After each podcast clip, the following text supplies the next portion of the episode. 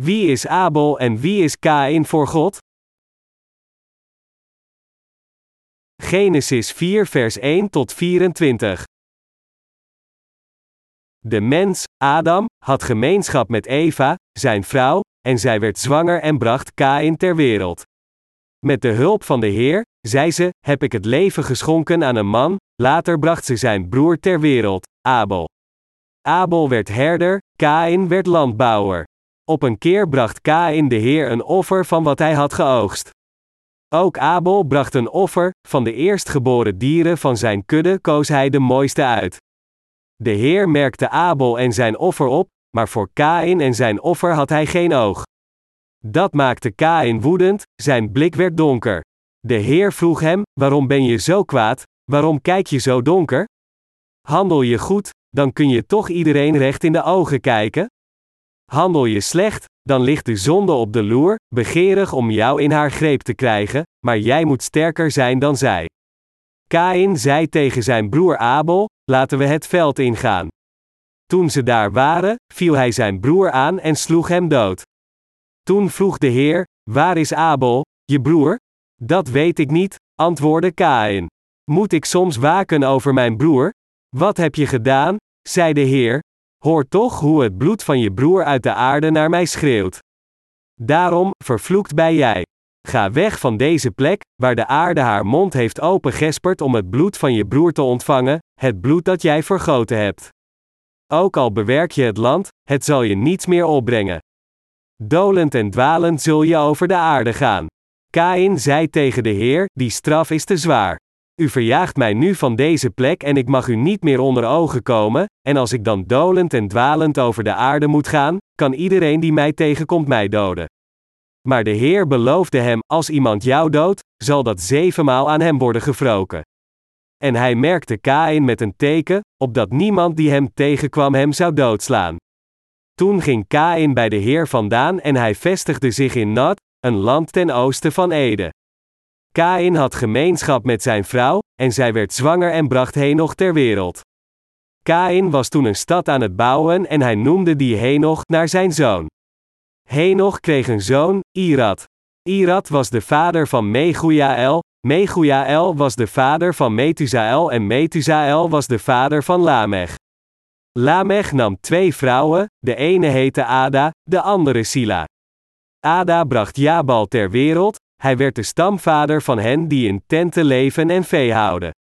Zijn broer heette Jubal, hij werd de stamvader van allen die op de lier of de fluit spelen. Ook Sila bracht een zoon ter wereld, Tubal Kain, hij was smid en werd de stamvader van allen die brons en ijzer bewerken. De zuster van Tabal Kain heette Naama. Lamech zei tegen zijn vrouwen, Ada en Sila, hoor wat ik zeg. Vrouwen van Lamech, luister naar mij. Wie mij verwondt, die sla ik dood, zelfs wie mij maar een stream toebrengt. Kain wordt zevenmaal gewroken, Lamech 77 maal. Ten eerste, God leerde Adam en Eva het rechtvaardige evangelie door hen met de tunieken gemaakt van huid te kleden. Dit evangelie is de waarheid waarin Adam en Eva de zaligmaking van alle zonden door geloof werd geschonken. Abel was een man die het ware geloof van zijn ouders had geërfd. Daarom werd het geloof van Abel ook goedgekeurd door God toen hij de eerstgeboren van zijn kudde en zijn vet als offer van geloof aan hem offerde. Welk soort van mensen zijn de zaden van Abel vanuit een geestelijk perspectief? De afstammelingen van Abel zijn diegenen die het offer van geloof offeren, het geloof dat gelooft in de rechtvaardigheid van God. Dit zijn de mensen van wie het geloof geaccepteerd is geworden door God en zijn diegenen die de geestelijke zegening van de hemel hebben ontvangen. Maar, waarom accepteerde God niet het offer van Kain? Dat was omdat Kain zijn offer aan God gaf op zijn eigen manier. Want het offer dat Kain gaf kwam niet overeen met het offer dat gevestigd werd in Gods voorzienigheid van zaligmaking, hij accepteerde dit niet. Mensen hebben de neiging te denken dat het goed is elk offer te offeren, zolang als het maar oprecht gebeurt, maar in werkelijkheid is dat niet zo. Het staat geschreven in de Bijbel dat Abel de eerstgeboren van zijn kudde en zijn vet offerde. Wat dit betekent is dat we voor God moeten komen door geloof te hebben in de zaligmaking die Hij voor ons had volbracht. Welk soort van mensen zijn de afstammelingen van Abel? Het feit dat er in de geschrifte passage van vandaag twee verschillende offers worden genoemd, vertegenwoordigd door Abel en Kain, betekent dat twee verschillende geestelijke geslachten zijn doorgegeven van generatie op generatie. De afstammelingen van Abel zijn diegenen die offers aan God brengen alleen door geloof, gelovend in het evangelie van waarheid dat God had verteld aan hun voorvaderen van geloof. Met andere woorden, zij zijn diegenen die met geloof offers offeren aan God door het geloof dat gelooft in de rechtvaardigheid van God. Zij zijn diegenen die het geloof van Abel hebben geërfd. Wat ons betreft, wij zijn ook de afstammelingen van Abel, als het waar is dat wij de vergeving van zonde hebben ontvangen door het offer van de vergeving dat God heeft uiteengezet. Zij zijn diegenen die de zegeningen van de hemel hebben ontvangen door het offer van geloof te offeren.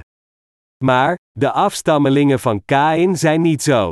Zij zijn diegenen die offers offeren op hun eigen manier, geen rekening houdend met de wensen van God. Dien ten gevolge staan zij tegen de rechtvaardigheid van God en brachten uiteindelijk de vernietiging en de veroordeling van de hel op zichzelf. Kain offerde het offer aan God door de producten van de grond als offer volgens zijn eigen gedachten, maar Abel offerde het offer aan God door de eerstgeboren van zijn kudde en hun vet te nemen, dat wil zeggen, door het geloof dat gelooft in de rechtvaardigheid van God. Als we de handelingen van deze twee mannen vanuit een menselijk perspectief zouden bekijken, dan was Abel niet beter dan Kain. Maar, in het licht van de waarheid van God, was Abel die het geloof in de rechtvaardigheid van God had eerlijker en beter dan Kain. Net zo, het offer dat geofferd werd door Kain met de vruchten van de grond was een vleeselijk offer, maar in tegenstelling, het offer dat Abel offerde aan God met de eerstgeboren van zijn kudde zonder gebreken was een geestelijk offer. Het offer van Abel werd geofferd met het geloof dat gelooft in de rechtvaardigheid van God. Abel volgde het geloof van zijn ouders en geloofden erin zoals het was, dus offerde hij hetzelfde offer aan God.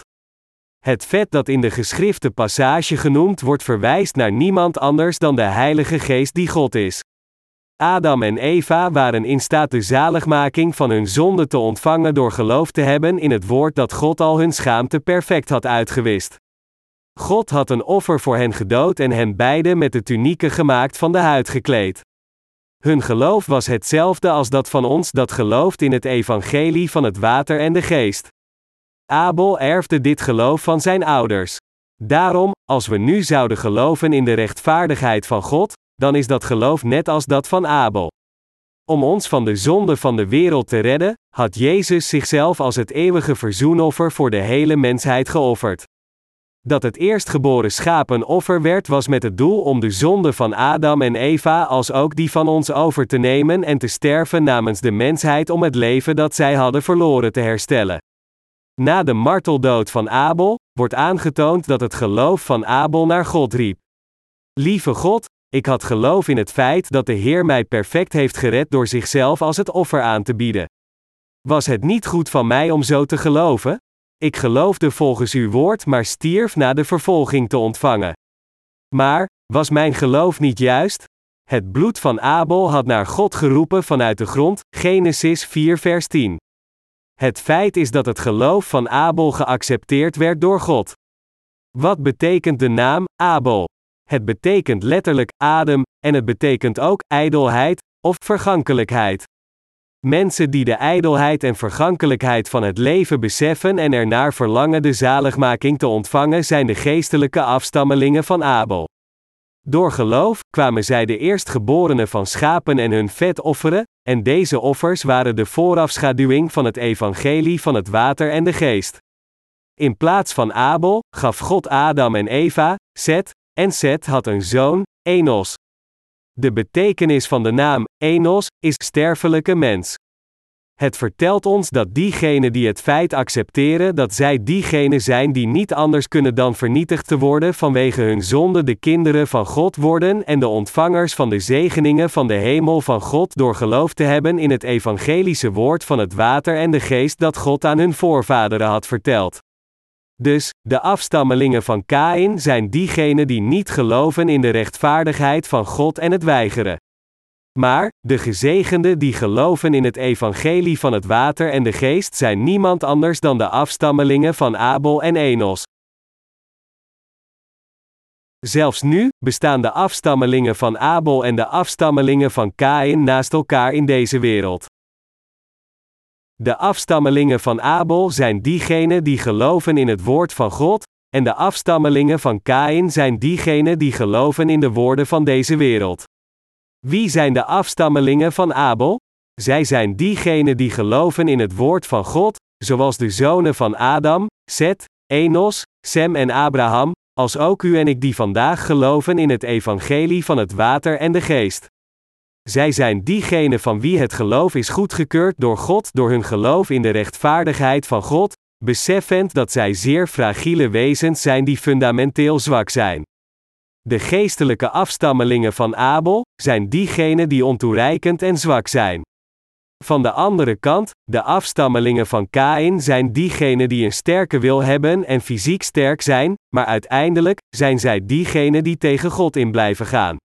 De afstammelingen van Abel en Kain zijn in deze wereld blijven neerdalen. De afstammelingen van Abel waren diegenen die geen keus hadden dan te sterven vanwege hun zonden als zij niet geloof zouden hebben in de rechtvaardigheid van God. Zij zijn diegenen die het feit accepteren dat zij allen die vol overtredingen zitten, vervloekt worden door God. Maar, God doet zijn werk door de afstammelingen van Abel te gebruiken die het feit accepteren dat zij ontoereikend zijn, in plaats van de afstammelingen van Kain die vol van hun eigen gerechtigheid zijn. God verspreidt het evangelie over de hele wereld door de afstammelingen van Abel te gebruiken. Door diegenen die ontoereikend zijn, heeft God het geloof dat gelooft in de rechtvaardigheid van God verder laten verspreid. Het geloof van de afstammelingen van Abel werd zo doorgegeven. U en ik zijn niet rechtvaardig geworden omdat we beter zijn dan andere mensen. Door geloof te hebben in de rechtvaardigheid van God, zijn we in staat in de rangen van de rechtvaardigen te staan. Onze zaligmaking was mogelijk niet door goud en zilver, maar door het geloof dat gelooft in het doopsel dat Jezus Christus ontving en het kostbare bloed dat nooit vergaat. De afstammelingen van Abel hadden geen keus dan te geloven in en te vertrouwen op de rechtvaardigheid van God, want ze wisten heel goed dat zij ontoereikend waren, maar diegenen die geloven in en vertrouwen op hun eigen kracht, en doen alsof ze beter en slimmer zijn in fysieke zin, zullen de afstammelingen van Kain blijven. In deze wereld kunnen alleen diegenen die correct het gebrek en de zwakheid van hun vlees beseffen, in de rangen van het geloof van Abel staan. Dus, al diegenen die niet hun eigen rechtvaardigheid van het vlees hebben ontvangen de kostbare zegeningen die afkomstig zijn uit de hemel door geloof te hebben in de God gegeven rechtvaardigheid van God. Met andere woorden, diegenen die eerder zwak zijn in hun vlees ontvangen de zegeningen van God door het geloof te hebben in het evangelie van het water en de geest. Dus, zolang als mensen die niets hebben om over op te scheppen in deze wereld, niets hebben om op te vertrouwen, en zwak zijn geloven in het evangelie van het water en de geest, zijn zij in staat zich in de rangen van de rechtvaardigen aan te sluiten, samen met hun voorouders van geloof. U moet niet klagen over uw ouders van het vlees als zij u geen nalatenschap achterlaten. Eerder, u moet dankbaar zijn dat ze u de kans hebben gegeven in de rangen van de afstammelingen van Abel te staan door u nog rijkdom, nog gezondheid te geven. Als uw ouders u veel geld had achtergelaten en u dus leeft zonder iets te willen, zou u dan geloofd hebben in het evangelie van het water en de geest dat de rechtvaardigheid van God bevat? Het is gemakkelijk voor diegenen die groot zijn in deze wereld in de rangen van de afstammelingen van Kain te staan. Als ouders hun kinderen veel rijkdom zouden nalaten, dan is het zeer waarschijnlijk dat hun kinderen afstammelingen worden van Kain en in plaats daarvan geestelijk geruïneerd worden. Lang geleden was er een tijd dat ik klaagde. Ik zou goed in deze wereld geleefd hebben als mijn ouders van het vlees mij een beetje rijkdom hadden achtergelaten. Zoals het spreekwoord zegt, er moet een weiland zijn zodat een kudde koeien kan groeien. Ik heb niets, dus hoe kan ik ooit een klein bedrijfje beginnen? Maar nadat ik was wedergeboren, besefte ik dat God alleen de gebrekkige, de verwaarloosde en de zieken van deze wereld roept en dat Hij hen in de rangen van het geloof van Abel laat staan. Als wij diegene waren geweest met rijkdom en macht in deze wereld, dan zouden we nu in de rangen van Kain staan. Ik hoop dat u beseft dat het gemakkelijker is in de rangen van Abel te staan, waar wij de grote zegeningen van de hemel ontvangen als we beseffen dat wij zwakke werktuigen zijn die gemakkelijk breken. De reden waarom God ons doorns en distels op onze levensweg heeft gegeven was om ons onze zwakheden en onze gebreken te laten beseffen, zodat wij zouden terugkeren naar God. We moeten dit beseffen en hier dankbaar voor zijn. We moeten beseffen dat de zegeningen van het vlees, dat diegenen die slimmer zijn, meer vooraanstaand zijn, en meer dingen hebben vanuit een menselijk perspectief, niet de zegeningen van de hemel zijn. We zijn God dankbaar dat Hij diegenen van ons heeft gered die ijdel, gebrekkig en sterfelijk zijn. Toen ik een zuigeling was, dachten mijn ouders dat ik zou sterven omdat ik zo zwak was. Als ik stierf, dan zouden ze mij weggegooid hebben, maar ik stierf niet. Mijn moeder hield me in leven door dunne rijstsoep te maken, omdat haar borsten geen melk gaven. Misschien daarom, dat toen ik opgroeide en mijn oudere buren groetten met een buiging, ik hen hoorde zeggen: Oh jee, je hebt het overleefd en groeide op en werd zo groot. Je ouders hebben je zelfs voor jaren geen naam gegeven omdat ze dachten dat je zou sterven. Het moet hetzelfde geweest zijn toen Abel of Enos geboren werden. Toen Kain werd geboren, omdat hij stevig huilde en zijn lichaam sterk was, kreeg hij de naam Kain, dat bezit betekent. Maar toen Abel en Enos werden geboren, die zeer zwak en stervend leken, zij kregen elk de naam Abel, wat ijdel betekent, en Enos, wat iemand die gemakkelijk breekt betekent. Maar Abel en Enos, die zo waren, hadden de zegeningen van zaligmaking van God ontvangen door geloof te hebben en te vertrouwen op Hem. Ik was ook zeer zwak, en de mensen vroegen zich of ik zou opgroeien en de normale dingen als een man zou kunnen doen, maar ik ben een van de dienaren van God geworden door Zijn genade. In ons huis zijn twee puppies. Een van hen is nogal ziekelijk. Maar de andere is gezond, maar deze wordt niet zwaarder ongeacht hoeveel hij ook eet. Dus mijn hart gaat iets meer uit naar de puppy die ziekelijk is.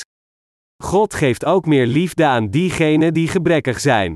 Onder diegenen rondom ons zijn mensen die gebrekkig zijn en geloven in het woord van Gods rechtvaardigheid en vertrouwen op Hem beter.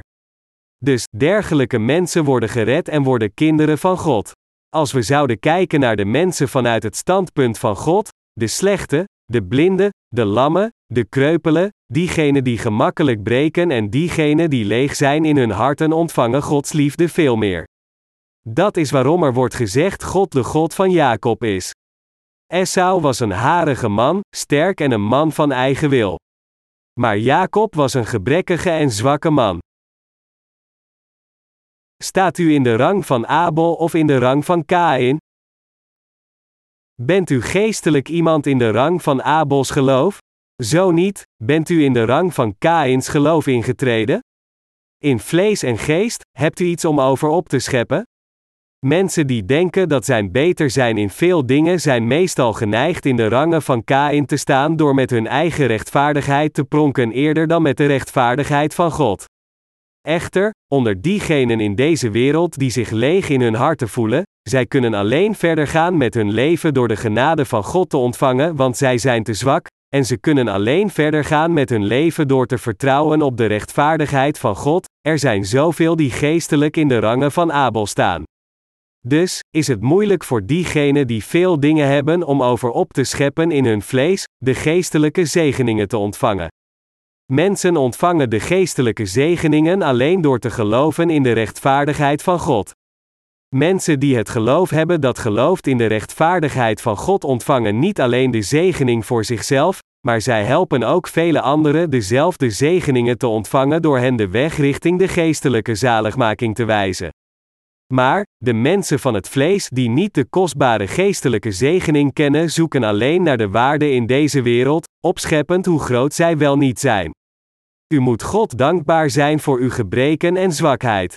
Maar, als u nog steeds denkt dat u veel hebt om over op te scheppen in het vlees, dan kijk alstublieft objectief naar uzelf en ontdekt goed hoe zwak en gebrekkig u bent. In feite, voor alle menselijke wezens, ieder van hen heeft niets in het vlees om over op te scheppen. Hoe kan een persoon pronken over iets in het vlees voor God? Wij hebben niets om mee te pronken. Diegenen die oprecht groot zijn, zijn diegenen die het geloof hebben dat gelooft in de rechtvaardigheid van God en dit verspreiden. Zonder Christus is er niets om over op te scheppen. Voor wedergeboren te zijn, beschouwde de apostel Paulus zichzelf als iemand die goed was. Maar na de Heer ontmoet te hebben, besefte hij zijn ware ego en accepteerde hoe slecht hij was. Hij realiseerde zich dat alles waar hij in het verleden over had opgeschept niets meer waard was dan vuilnis voor de waarheid van de Heer. Dus, zei hij dat hij nu alle dingen die hij voorheen als voordeel zag nu als afval beschouwde, Filippenzen 3 vers 7 tot 8. Paulus was iemand die veel dingen in het vlees had om over op te scheppen. En dus, toen hem gevraagd werd om te pronken in het vlees, was hij in staat te zeggen: Ik werd besneden toen ik acht dagen oud was en behoor tot het volk van Israël, tot de stam Benjamin. Ik ben een geboren Hebreeër met de wetopvatting van een Fariseer en heb de gemeente fanatiek vervolgd. Aan wat er in de wet over gerechtigheid staat, voldeed ik volledig. Filippenzen 3 vers 5 tot 6. Maar, hij keek eerlijk naar zichzelf vanuit een geestelijk perspectief en concludeerde door te zeggen: Daarom zijn er onder u veel zwakke en zieke mensen en zijn er al velen onder u gestorven. 1 Korintje 11 vers 30. Ik hoop voor u, dat u ook uw eigen ontoereikendheid voor God gaat beseffen. Net zoals Kain en Abel elk met een ander offer naar voren kwamen, leven mensen met twee verschillende soorten van geloof in deze wereld, en de resultaten van hun geloof verschillen compleet. De ene groep van mensen ontvangt zegeningen, maar de andere groep is vervloekt ondanks dat zij in God geloven. Vanaf het begin hebben mensen in lijn met de rangen van Kain de rechtvaardigheid van God afgewezen en gingen er tegenin. Echter, mensen in de rangen van Abel accepteerden en geloofden in de rechtvaardigheid van God, en God accepteert hun geloof. Mensen in de lijn met de rang van Kain bouwden voor zichzelf een stad. Kain versterkte een verdedigingsmuur met zijn eigen kracht zodat vijanden niet in staat zouden zijn hem aan te vallen. Hij deed dit omdat hij geloofde in zijn eigen kracht eerder dan in God. Maar, mensen in de lijn met de rang van Abel geloven in de rechtvaardigheid van God en vertrouwen op God omdat zij weten dat zij ontoereikend zijn. Het is omdat zij geloven dat alleen God hen beschermt van al het gevaar en hen zegeningen geeft. Zijn onze harten in lijn met de rang van Abels geloof? Of zijn zij in de lijn met de rang van Kains geloof? We moeten dit zorgvuldig onderzoeken. En, als we de zegeningen van God willen ontvangen, dan moeten we in de rangen van Abels geloof staan. We moeten geloven in de rechtvaardigheid van God, en met geloof moeten we de rechtvaardigheid van God volgen. Als we niet geloven in de rechtvaardigheid van God, maar op eigen kracht tegen de rechtvaardigheid van God ingaan, dan zouden we automatisch in de rangen van Kain staan. De lijn waar we in moeten staan is de rang van Abels geloof. God geeft de goddelijke zegeningen uit de hemel aan diegenen die in lijn met de rangen van Abel staan, en geloven in de rechtvaardigheid van God. Kain bewoog zich verder weg van God. Kain bewoog zich verder en verder weg van God. Dus, zijn afstammelingen raakten ook verder verwijderd van de zegeningen door het geloof te hebben in de rechtvaardigheid van God. In de geschrifte passage van vandaag wordt de afkomst van Kains afstammelingen getoond, en onder zijn afstammelingen zei Lamech dat hij een man gedood had omdat hij hem verwond had. God zei dat als Kain zevenmaal gevroken zou worden, dan zou Lamech zeventigmaal gevroken worden. Net zo werden de harten van de afstammelingen van Kain zo koppig als mogelijk en zo slecht als mogelijk, en ze kwamen steeds verder van de rechtvaardigheid van God af te staan als mogelijk is. Waarom bewogen zij zich steeds verder weg van God? Als we kijken naar de grondoorzaak, dan zien we dat het resulteerde uit het verkeerde offer van geloof dat hun gemeenschappelijke voorvader, Kain, aan God had geofferd. Het staat geschreven dat Kain de producten van de grond offerde als offer, maar Abel had de eerstgeboren van zijn kudde en hun vet geofferd. Vandaar, het was het offer van de producten van de grond dat hem en zijn afstammelingen verder weg bewoog van de rechtvaardigheid van God. Kain besefte toen niet dat hij afdreef van de rechtvaardigheid van God vanwege zijn verkeerde geloof geofferd aan God, hij had de vruchten van de grond geofferd aan God met oprechtheid en met de beste bedoelingen zijn eigen kracht gebruikend, maar hij besefte niet dat hij hierdoor een vijand tegen de rechtvaardigheid van God zou worden. Echter, het verkeerde geloof van Kain had hem zo ver van de rechtvaardigheid van God verwijderd dat het voor hem onmogelijk was om terug te keren. Had Kain maar een keer zijn koppigheid voor God losgelaten, dan zou hij ook in staat zijn geweest de zegeningen te ontvangen. Als Kain had gezien dat God het offer dat zijn jongere broer Abel had geofferd accepteerde, en hij gedacht had, net zoals Abel, moet ik ook een offer offeren waar God vreugde in vindt, dan was hij niet de vijand van God geworden. En hij zou in staat zijn geweest samen met zijn broer van geloof te leven. Maar, hij kon dit niet doen omdat hij te koppig was zijn eigen trots te breken door zijn eigen gerechtigheid. Het feit is dat Kain verder weg bewoog van God omdat hij zijn slechtheid en fouten niet erkend had. Waarom bewegen zich de hedendaagse christenen steeds verder weg van de rechtvaardigheid van God? Omdat mensen zelfs nu de verkeerde offers van geloof naar God brengen, bewegen zij zich steeds verder en verder van God weg. Als mensen de evangelische waarheid van het water en de geest weigeren dat de rechtvaardigheid van God openbaart, dan bewegen zij zich steeds verder van de rechtvaardigheid van God af. Mensen hebben de neiging te denken: het is goed van mij dat ik geloof in God met heel mijn hart. Waarom zou ik verder afdrijven van God omdat ik niet geloof in het evangelie van het water en de geest? Maar in waarheid, niet te geloven in het evangelie van het water en de geest is een afkorting naar de verwijdering van de rechtvaardigheid van God. Mensen blijven op de stoel van de vloek zitten ten gevolge van hun zonden omdat zij zich tegen het evangelie van het water en de geest verzetten dat de rechtvaardigheid van God bevat. Mensen raken verwijderd van God omdat ze weigeren te geloven in het evangelie van het water en de geest dat de rechtvaardigheid van God openbaar. Dus, wie het ook is, men moet het evangelie van de waarheid kennen dat de rechtvaardigheid van God bevat. Zijn er niet veel mensen die al hun verschillende inspanningen voortzetten omdat ze weer kort bij God willen zijn? Mensen proberen wanhopig korter bij God te komen door verschillende pogingen te ondernemen, zoals ochtendgebeden, vasten en bidden, bidden in de bergen, nachtgebeden, maatschappelijke dienstverlening, zendingswerk, fondsenwerving, bazaars, enzovoort. Echter, omdat mensen niet geloven in en de rechtvaardigheid van God weigeren geopenbaard in het evangelie van het water en de geest, bewegen zij zich steeds verder weg van de heilige God. Voor diegenen van ons die geloven in het evangelie van het water en de geest, wij zouden ook verder van God afdrijven tenzij wij kort bij dit evangelie van rechtvaardigheid blijven. Dichter naar God te trekken, is dichter naar Jezus Christus te trekken door geloof te hebben in Hem die kwam door het evangelie van het water en de geest, en als men op afstand zou blijven van de rechtvaardigheid van God geopenbaard in dit evangelie van waarheid, dan zou men uiteindelijk verder afdrijven van Jezus Christus. Daarom, de werkers van het evangelie moeten geloven in het evangelie van het water en de geest en het zo vaak als mogelijk verspreiden. Dit is omdat het evangelie van het water en de geest God en de mensen met elkaar verbindt. Als we de rechtvaardigheid van God zouden koesteren, dan zouden we korter bij Hem leven.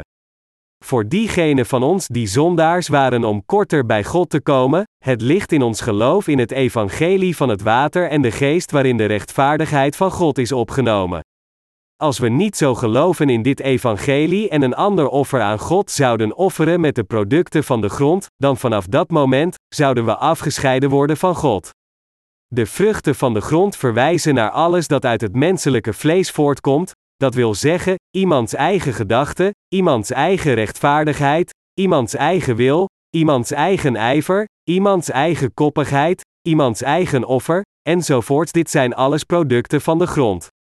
Datgene dat ons in de buurt van God laat blijven is het evangelie van het water en de geest, terwijl datgene dat mensen verder afdrijft van God het offer van de producten van de grond is. Kain besefte niet hoe verkeerd het was te proberen om geaccepteerd te worden door God met zijn eigen gedachten, ijver en pogingen. Echter, als iemand kort bij God wil blijven, zou het dan niet zo zijn dat het enige dat men hoeft te doen is zijn eigen verkeerde geloof toe te geven en zich te bekeren. Om voor een persoon terug te keren van zijn of haar verkeerde geloof, moet men geloven in het God gegeven evangelie van het water en de geest en in de Heer komen. Echter, omdat Kain zijn fouten niet toegaf, Zelfs na gezien te hebben dat God zijn geloof niet accepteerde, vertrok hij uiteindelijk van God. Men zou een leven ver van de rechtvaardigheid van God leiden als een persoon niet het evangelie van het water en de geest zou verspreiden nadat hij de vergeving van zonde heeft ontvangen. Het is mogelijk dat zelfs diegenen van ons die wedergeboren zijn meer naar de verlangens van het vlees zoeken. Als we dit doen, dan zijn we niet in staat verenigd te worden met Gods wil. Als we niet kort bij het evangelie van het water en de geest blijven en het weigeren te verspreiden, zullen we geestelijk degenereren. Het offer dat ons verwijdert van God is het offer van de producten van de grond, maar het offer dat ons korter bij God brengt is het offer van de eerstgeboren van de kudde en hun vet. Kain sloeg zijn broer Abel dood. Waarom doodde hij zijn broer, van wie hij had moeten houden? Het was omdat Kain geloofde dat zijn offer beter was dan dat van Abel. Dit betekent dat hij geloofde dat voor God te komen, door zijn eigen rechtvaardigheid te brengen, beter was om de goedkeuring van God te krijgen. Dus was hij ontevreden over het feit dat God zijn offer niet accepteerde. Hij pestte zijn jongere broer. De volgende keer offer jij de producten van de grond, net zoals ik, je oudere broer. Waarom offer je niet volgens je eigen wensen? Zou hij onze offers niet accepteren als we samen dezelfde offers offeren? Kain vertelde zoiets tegen Abel, maar omdat zijn jongere broer niet naar hem luisterde, vermoordde hij zijn broer. Als de jongere broer wel naar hem had geluisterd, zou Kain Abel dan gedood hebben? Waarom zou hij zijn geliefde jongere broer doden? Hij was de enige bloedverwant onder hem. Maar Abels geloof was standvastig. Beste oudere broer, toen moeder en vader zonde pleegden voor God, hoe heeft God hen toen van hun zonde gered? Kijk naar deze tunieken. Is het niet zo dat de zaligmaking wordt verkregen door een bloedoffer? Is er niet gezegd dat het offer de zonde van onze moeder en vader overnam en in hun plaats stierf? Is het niet waar dat wij ook zonde plegen? Zo ja, moeten we dan niet voor God komen door de eerstgeboren van onze kudde als het offer te brengen, zodat wij de vergeving van zonden ontvangen? Beste oudere broer, het offer dat jij aan God offert is verkeerd. Je moet dit veranderen. Bovendien moet jij je koppigheid voor God afleggen. Beste broer, ik zal naar alles luisteren wat je verder hebt te zeggen. Wil je dat ik je help op het land? Wat je ook zegt, ik zal het voor jou doen. Maar, het offer dat ik offer aan God is het juiste offer. Laat ons aan God zo offeren, jij en ik samen. Denkt u niet dat de jongere broer Abel dit zei?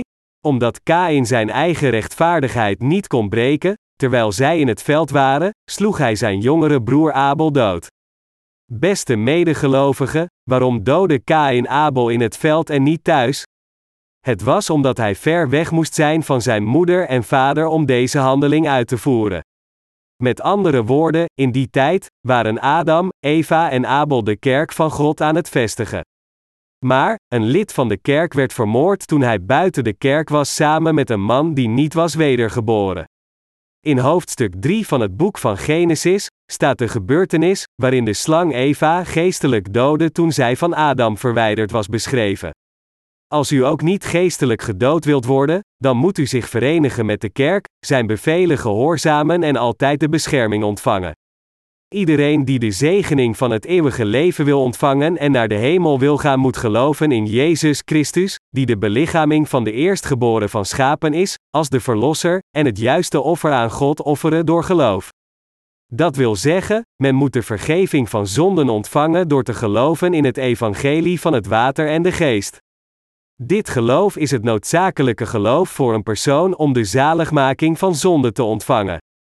Kain ging naar de hel omdat hij een dergelijk geloof niet had, en door geloof ging Abel naar de hemel. Hoe kan een persoon die gescheiden is God door zijn eigen zonde, de vergeving van zonden ontvangen? De persoon ontvangt de vergeving van zonde door één lam. Omdat Kain een dergelijk offer van geloof weigerde, begonnen zijn zonden zich op te stapelen. Als eerste kwam Kain ver af te staan van God door het verkeerde offer waarmee hij niet de vergeving van zonde kon ontvangen. Ten tweede kwam hij nog verder van God af te staan omdat hij zijn eigen gedachten niet opzij kon zetten. En, uiteindelijk, door een dergelijk vals geloof, eindigde hij door zijn broer dood te slaan. Kain was ondergedoken na zijn jongere broer doodgeslagen te hebben en God vroeg aan Kain: Kain, waar is je broer? Kain antwoordde uitdagend: Ben ik de hoeder van mijn broer? God zei: Het bloed van je broer roept naar mij vanuit de grond. Maar, jij zegt dat je het niet weet? Ik weet dat jij je jongere broer hebt doodgeslagen met een steen, en je zegt dat je niets over hem weet. De aarde ontving het bloed van je broer en roept naar mij. Ik bedoel dat jouw geweten naar mij roept. Vertelt jouw hart mij niet dat jij je broer hebt gedood? Denk je dat ik dat niet weet? Denk je dat jij dit feit voor mij kunt verstoppen? Kain antwoordde: Maar, hij is al dood, dus wat kan ik doen? God, u legt een zware druk op mij, en mijn straf is groter dan ik kan dragen. Zeker, u hebt mij vandaag verdreven van mijn eigen grond, ik zal niet meer in uw aanwezigheid zijn, ik zal een voortvluchtige en een vagebond zijn op deze aarde, en het kan gebeuren dat als iemand mij vindt men mij zal doden. Vanaf toen werd Kain bang voor zijn familie en mensen. In waarheid werd Kain vijanden met zijn ouders en werd een persoon die iedereen vermeed. U vraagt zich af hoe er andere mensen konden zijn in die tijd. Adam en Eva gaven niet alleen het leven aan Kain en Abel. Na 930 jaar geleefd te hebben, had Adam kind na kind. Zijn kinderen hadden ook weer kinderen en het aantal mensen begon exponentieel te groeien. Als u ook niet het evangelie van het water en de geest accepteert, zult u het oordeel van zonden ontvangen en naar de hel gaan omdat het loon van onze zonde de dood is. Door zijn zonden in zijn geest, kon Kain niet anders dan een voortvluchtige en een vagebond op deze aarde te worden. Bovendien, angstig dat andere mensen hem zouden doden, ging hij leven met de angst voor de dood. Zo ja, was het niet genoeg voor hem zich over te geven aan God en terug te keren? Kain zou de vergeving van zonde hebben ontvangen als hij zich had bekeerd, denkend: het was verkeerd mijn jongere broer te doden. Het was ook verkeerd niet te geloven in God met het geloof dat mijn broer had. Om de producten van de grond aan God te offeren was op zichzelf verkeerd. Ik moet me bekeren, en bracht een lam en zei: Dit lam werd gedood als een offer in plaats van mijzelf. Dus, sta mij alstublieft toe de vergeving van zonde te ontvangen, net zoals mijn broer. Maar, Kain deed dit niet. Echter, God riep Kain weer en gaf hem een teken van zaligmaking, zodat zelfs Kain in staat zou zijn de vergeving van zonde te ontvangen. Dit betekent dat God Kain het teken van zaligmaking gaf, dat wil zeggen, het evangelie van het water en de geest, dat zegt, ik heb zelfs jouw zonde het plegen van een moord uitgewist. Maar, Kain vertrok uiteindelijk uit de aanwezigheid van de Heer God en woonde in het land van Nat ten oosten van Ede. Het land waarin hij verbleef was een land waar men in moet rondtrekken. Kain was de vertegenwoordiger van het vervloekte leven waarin mensen al hun zonde zelf droegen en vernietigd worden. Zelfs nu, zeggen de afstammelingen van Kain, als ik naar de hel moet gaan, zal ik gaan. Waarom angstig zijn? De kinderen van Kain werden uiteindelijk vleeselijk. Kain verliet God en sliep met zijn vrouw. Dus kreeg hij Henoch, en Henoch kreeg Irad, en Irad kreeg Megujael, en Megujael kreeg Methusael, en Methusael kreeg Lamech. Toen nam Lamech Ada als zijn vrouw en had Jabal en Jubal. Er wordt gezegd dat Jabal de vader van diegenen is geworden die in tenten wonen en vee hebben. Het leven van een menselijk leven begint door zorg te dragen voor voedsel, kleding en onderdak. Zijn jongere broer Jubal werd de vader van al diegenen die de harp en de fluit bespelen, en dit betekent dat mensen die ver zijn afgedreven van God het plezier zoeken, nadat zij het probleem van voedsel, kleding en onderdak hebben opgelost. De tweede vrouw van Lamech, Sila, schonk het leven aan Tubal Kain. Hij was de leermeester van iedere ambachtsman van brons en ijzer. Dit betekent dat hij een smid was. En hij was de vader van diegenen die zwaarden en speren maakten door het metaal te verhitten met vuur. Met deze drie mannen verrees de beschaving van de mensheid. Door de kinderen van Kain ontstonden culturen van oorlog, plezier en landbouw. Alle mensen proberen als eerste het probleem van voedsel, kleding en onderdak op te lossen. Als het probleem van voedsel, kleding en onderdak is opgelost, zoeken zij het plezier. Als het plezier overheerst, verrijzen oorlogen. Hoe wordt de mensheid, die het evangelie weigeren, vernietigd? Ze worden vernietigd door oorlogen. Uiteindelijk zal de geschiedenis van de mensheid het einde markeren door oorlog. God vertelt ons dat de geschiedenis van de mensheid, die het evangelie ontkennen, zo begonnen is en ook zo zal eindigen. Mensen die het evangelie van het water en de geest hebben verlaten doden mensen vanwege hun gewonde harten. Ze hebben de neiging altijd te denken dat anderen hen deze wonden hebben toegebracht. Dus doden zij mensen om hen terug te betalen, en zij rechtvaardigen een dergelijke handeling van moord. Ze maken een excuus voor hun zonde door te zeggen: Ik had geen andere keuze dan dit te doen, en zij gaan onophoudelijk tegen God in. Dien ten gevolge komen zij ver van God als mogelijk af te staan en eindigen uiteindelijk in de hel.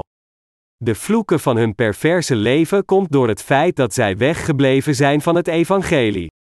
Net zo gaan mensen naar de hel die zijn weggebleven van het evangelie. Voor diegenen van ons die de genade van God hebben ontvangen, wij moeten al onze pogingen steken in het hoeden van de schapen. Als we het evangelische werk willen doen, dan moeten we onze inspanningen steken in de verspreiding van het evangelie. We moeten een leven leiden dat passend is voor het evangelie. Wij zijn de enigen die dit kunnen doen. Wij zijn geen smeden, en wij spelen ook geen fluit nog iemand die zorg draagt voor voedsel, kleding en onderdak. Met het leven dat God ons gegeven heeft, moeten we het werk doen dat de schapen hoedt samen met de mensen van God. Jezus sprak tegen Petrus. Hij vroeg: Simon, zoon van Johannes, heb je mij lief, meer dan de anderen hier? En zij: Wijd mijn lammeren, en hoed mijn schapen. Johannes 21, vers 15 tot 17. Al de heiligen die zijn wedergeboren zijn geestelijke herders. Mensen die kort bij God staan zijn diegenen die het evangelie van het water en de geest hebben geaccepteerd. Of we eten of drinken, of wat we ook doen, we moeten alles doen voor de glorie van God. 1 Korintje 10 vers 31.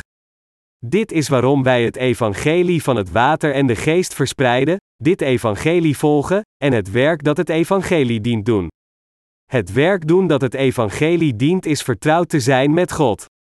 Begrijpt u het feit dat door het evangelie van het water en de geest te accepteren, betekent de rechtvaardigheid van God te accepteren en korter bij God te komen? Beseft u zich nu door weg te blijven van het evangelie van het water en de geest is weg te blijven van God en dat dit ook een daad is die naar de veroordeling leidt? Mensen die het evangelie van het water en de geest hebben genegeerd staan allen tegen God. Net zo zijn er grote verschillen tussen het resultaat van diegenen die geloven in het evangelie van het water en de geest en diegenen die dat niet doen. Ik hoop dat u zich herinnert dat of men wel of niet gelooft in en het evangelie van het water en de geest accepteert een uiteenlopend punt is tussen zegeningen en vloeken. Tijdens dit uur moeten we de macht en de zegening van het evangelie van het water en de geest gaan begrijpen. De liefde van God wilde zelfs Kain redden. Kain, ik heb zelfs de zonde die jij hebt gepleegd uitgewist. Dus, jij bent zonder zonde. Als zodanig gaf God zelfs Kain het woord als het teken van zaligmaking. Maar, Kain geloofde niet in het woord en verliet God. De reden waarom Kain God verliet was niet omdat hij veel zonde had gepleegd, maar omdat hij het woord van God weigerde. Ook viel de vloek op hem omdat hij Gods liefde weigerde. In deze wereld zijn er twee geestelijke types van mensen: dit is de familie van Abel en de familie van Kain. Hun karakters worden bepaald volgens hun beroep. Kain was een landbouwer en Abel was een herder van schapen. Als we het evangelie van het water en de geest niet koesteren, het niet verspreiden, met andere woorden, als we niet het leven van een herder die de schapenhoed leiden, zullen we uiteindelijk een landbouwer worden zoals Kain was. Ik heb veel mensen gezien die afdreven van God nadat zij eerst geloofden in het evangelie van de rechtvaardigheid van God. Ik vroeg me af, deze man had het evangelie en bevond zich op een hoge plaats. Maar, naarmate de tijd verstreek, hoe kon hij zo ver weg van het evangelie van de rechtvaardigheid van God zijn afgedreven? Ik heb een boek gelezen geschreven door een prediker die ooit eens het evangelie van het water en de geest predikte, maar het was zo verschrikkelijk. Ik kon geen enkele zin in het boek vinden dat het ware evangelie verklaarde. Er was geen spoor van het evangelie van het water en de geest. Waarom werd deze man zo? Werd hij zo omdat hij meer gezondigd had dan wij? Was het omdat hij de Bijbel niet leerde als wij deden? Nee, dat was het niet. Hij werd een dergelijk persoon omdat hij afstand hield van het evangelie van het water en de geest. Anders gezegd, hij volgde de weg van Kain. Hij diende de zielen niet, maar hij diende zijn eigen vlees net zoals Kain de grond had bewerkt. Wie wist dat het volgen van het geloof van Kain hen een dergelijk resultaat zou brengen? Wie wist dat het uiteenlopende punt tussen hemel en hel in een enkele waarheid ligt, het evangelie van het water en de geest? Wie in deze wereld wist deze waarheid dat zegt dat ongeacht hoeveel iemand ook ontoereikend is als hij of zij voor God het offerlam met geloof zou offeren, de persoon naar de hemel zal gaan door geloof en de zegeningen van God zal ontvangen? Maar onze God liet ons de hemel bezitten door ons het evangelie van het water en de geest bekend te maken. En God heeft ons toegestaan voor dit evangelie van de waarheid te leven als een herder van Gods schapen in zijn kerk. We moeten duidelijk weten hoe kostbaar het evangelie van het water en de geest is. Dit ware evangelie liet ons wedergeboren worden als de rechtvaardige, en liet ons genieten van het eeuwige leven in de hemel door ons de kinderen van God te maken. Dit evangelie heeft al onze zonden uitgewist, en dient ten gevolge is de Heilige Geest in ons gekomen. Het evangelie van het water en de geest is de evangelische waarheid die Jezus Christus heeft volbracht. Dit evangelie is het evangelie van zaligmaking vervuld volgens Gods plan, en het is het gezegende evangelie gegeven aan heel de mensheid. Dus, we moeten ons het feit beseffen dat ons te distancieren van het evangelie van het water en de geest ons te distancieren is van God. Wij, de wedergeborenen, leven nu om het evangelie te verspreiden. Ik geef mijn dankbaarheid hiervoor aan de Heer die ons heeft toegestaan de vergeving van zonde te ontvangen door te geloven in het evangelie van het water en de geest. Beste medegelovigen, blijf kort bij het evangelie van het water en de geest. Houd u zelf hier niet van weg. Als u zich met de kerk van God verenigt, kunt u kort bij het evangelie van het water en de geest zijn. Een dergelijke aanmoediging kan nooit genoeg zijn. Waarom? Dit is omdat binnen in het evangelie van het water en de geest God is, het eeuwige leven, Jezus Christus, de Heilige Geest en de waarheid die ons in staat stelt te worden gered. Wat we altijd nodig hebben is Jezus Christus, of we nou in vrede of in moeilijkheden zijn. Als u kort bij het evangelie van het water en de geest blijft, kunt u de kerk van God dienen en het evangelie verspreiden. Zorg voor en verrijs broeders en zusters die het evangelie van het water en de geest verspreiden. Leef voor de verspreiding van het evangelie van het water en de geest. Dien het evangelie. Als u dit doet, zal God u alles schenken dat Hij beloofd heeft. Koester het evangelie en gehoorzaam Gods wil in het dienen van het evangelie. Wij ontvangen de zegeningen als we ons met de rechtvaardigheid van God verenigen. Mensen die het geloof van het water en de geest bezitten, hebben geen zonden in hun harten en kunnen genieten van het eeuwige leven, maar diegenen die niet het evangelie van het water en de geest in hun harten hebben ontvangen het oordeel. De eerste weten dat zij geen zonden in hun harten hebben. Maar, de laatste weten dat zij zonden in hun harten hebben, dat het oordeel op hen wacht, en dat zij naar de hel zullen gaan. De duivel vertelt ons het evangelie van het water en de geest te negeren. Maar als we het evangelie van het water en de geest zouden verliezen, dan verliezen we alles. Toen God ons schiep, besliste Hij ons te schapen in Zijn genade van het evangelie van het water en de geest. Beste broeders en zusters, als u de Heer dient, beschouw het evangelie als kostbaar. Leef, uw geloof binnen in het evangelie. Te leven zonder het evangelie van het water en de geest is een korter weg naar de vervloeking en vernietiging. Maar, als we samen met het evangelie van het water en de geest zijn, zullen we gezegend worden. Als we samen wandelen met het evangelie van het water en de geest, zullen al onze wegen wijd voor ons geopend zijn. Ik hoop voor u dat u dit principe duidelijk weet. Het moet niet zo zijn dat u dit niet weet. Bovendien moet u niet misleid worden door de valse evangelies. Als we het geloof hebben dat gelooft in het evangelie van het water en de geest, dan is dit hetzelfde als dat we alles bezitten. Toen zij in het veld waren, sloeg Kain zijn jongere broer Abel dood. Toen begroef hij zijn broer in de grond. Niemand wist dat Kain Abel had gedood. Zelfs Adam en Eva wisten het niet. Maar, toen God voor Kain verscheen en zei: Kain, waar is je broer Abel? Antwoordde Kain: Ben ik de hoeder van mijn broer? Kains hart werd vervuld met verzet. In het verleden had hij geen weerzin om God te ontmoeten. Maar nu, omdat zijn hart gegraveerd was met zonden en dus een vervloekt hart werd, dacht Kain zo niet langer. Want diegenen van wie de harten verenigd zijn met de wil van God, ontvangen zegeningen en vrede in hun harten. Echter, de harten van diegenen die niet verenigd zijn met God zullen afgrijzelijk en vervloekt worden. God wilde dat Kain ook een lam zou doden en aan hem zou offeren, om zo de vergeving van zonde te ontvangen. Maar, Kain ging tegen de wil van God in, verenigde zijn hart niet met God, bleef koppig en doodde zijn broer. En dus kwam de zonden in zijn hart. En, vanwege deze zonde, was hij voorbestemd om vervloekt te worden. Hij ging dit ook beseffen.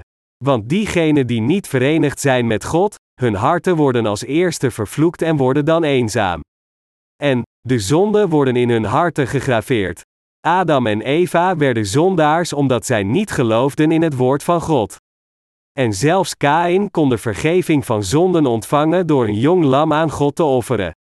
Maar, hij werd een volledige zondaar omdat hij zijn hart niet met de wil van God verenigde.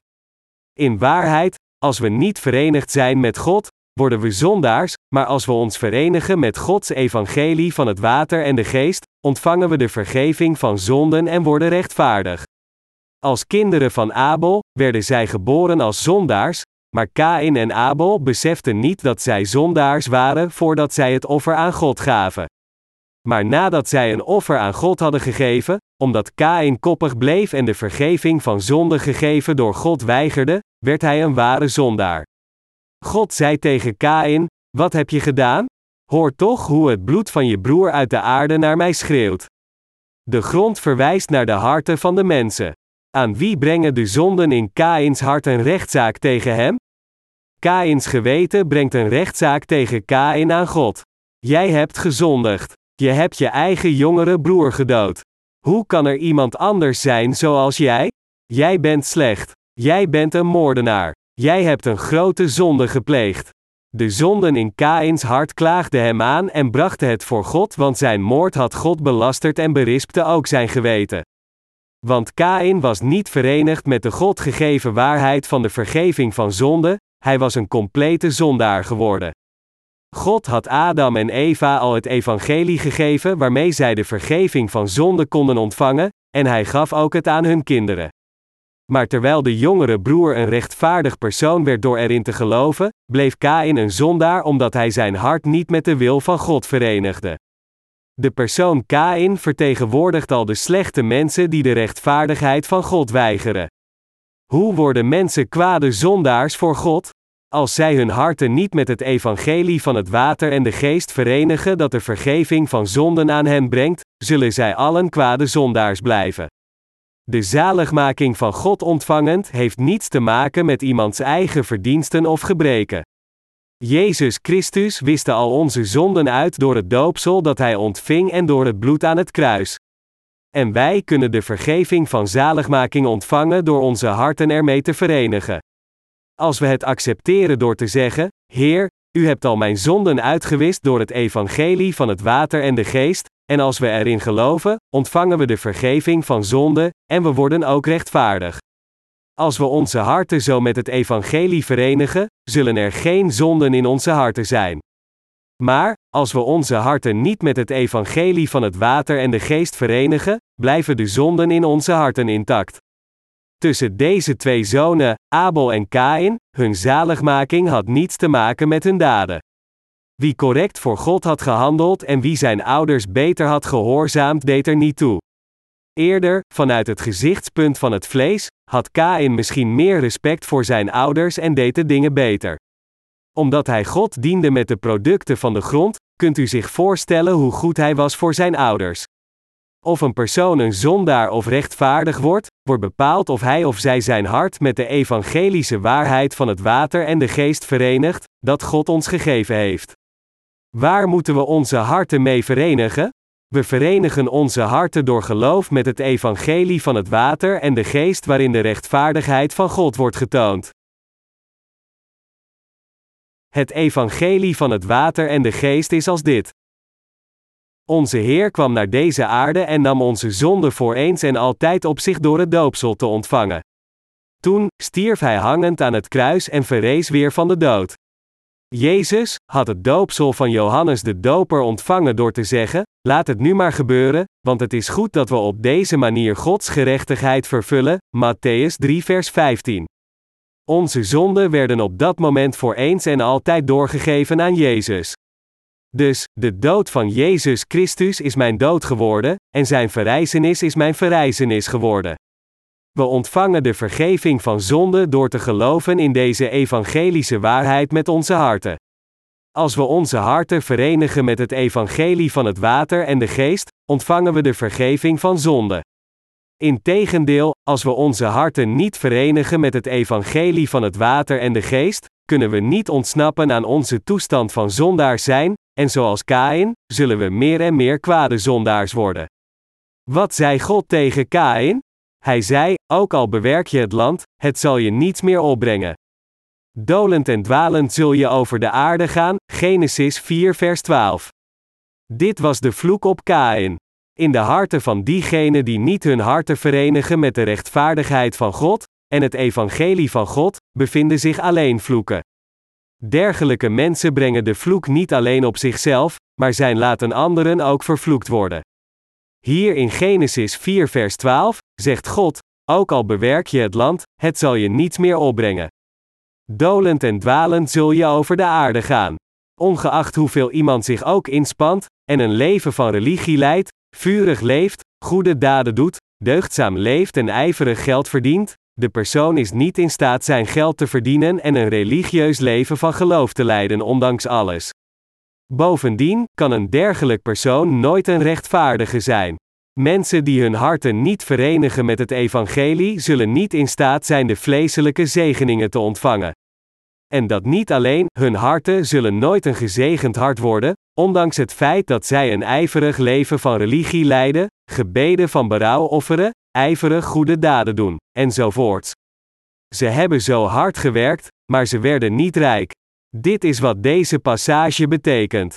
Er is niemand die arm wil zijn. Dus, werken mensen ijverig. Maar de dingen gaan niet goed ondanks hun wensen.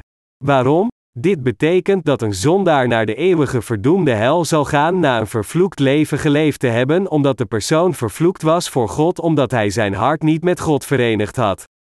Zondaars die niet geloven in de rechtvaardigheid van God worden zo vervloekt voor God. Is het niet moeilijk voor mensen om verder te gaan met hun leven? Gemiddeld zijn er veel mensen die morgen niets te eten hebben als zij vandaag niet werken. Er zijn niet veel mensen die leven zonder zich zorgen te maken over hun levensonderhoud. God zei: Ook al bewerkt je het land, het zal hij niets meer opbrengen. Er is geen opbrengst meer. Dit betekent dat alles leeg wordt, ongeacht hoe hard een persoon het ook probeert. Dit is de vloek voor diegenen die hun harten niet met het God gegeven evangelie van de vergeving van zonde hebben verenigd. Als we Kain bekijken vanuit een vleeselijk gezichtspunt, dan lijkt het alsof hij niets verkeerds heeft gedaan. Echter, de reden van zijn vloek was dat hij zijn hart niet met de werken van zaligmaking die God voor hem had gedaan verenigd had. Want zijn hart was niet vreugdevol over de rechtvaardigheid van God, hij had zijn jongere broer gedood, die zijn hart wel met God had verenigd. Dus, als iemand vervloekt wil worden door God, het enige dat hij hoeft te doen is zich niet te verenigen met de evangelische waarheid. Door dit te doen, zal de persoon vervloekt worden met de dood. En, hij zou ook vervloekt worden door niet in staat te zijn voor lange tijd op een plaats te leven, zoals als er werd gezegd: dolend en dwalend zul je over de aarde gaan.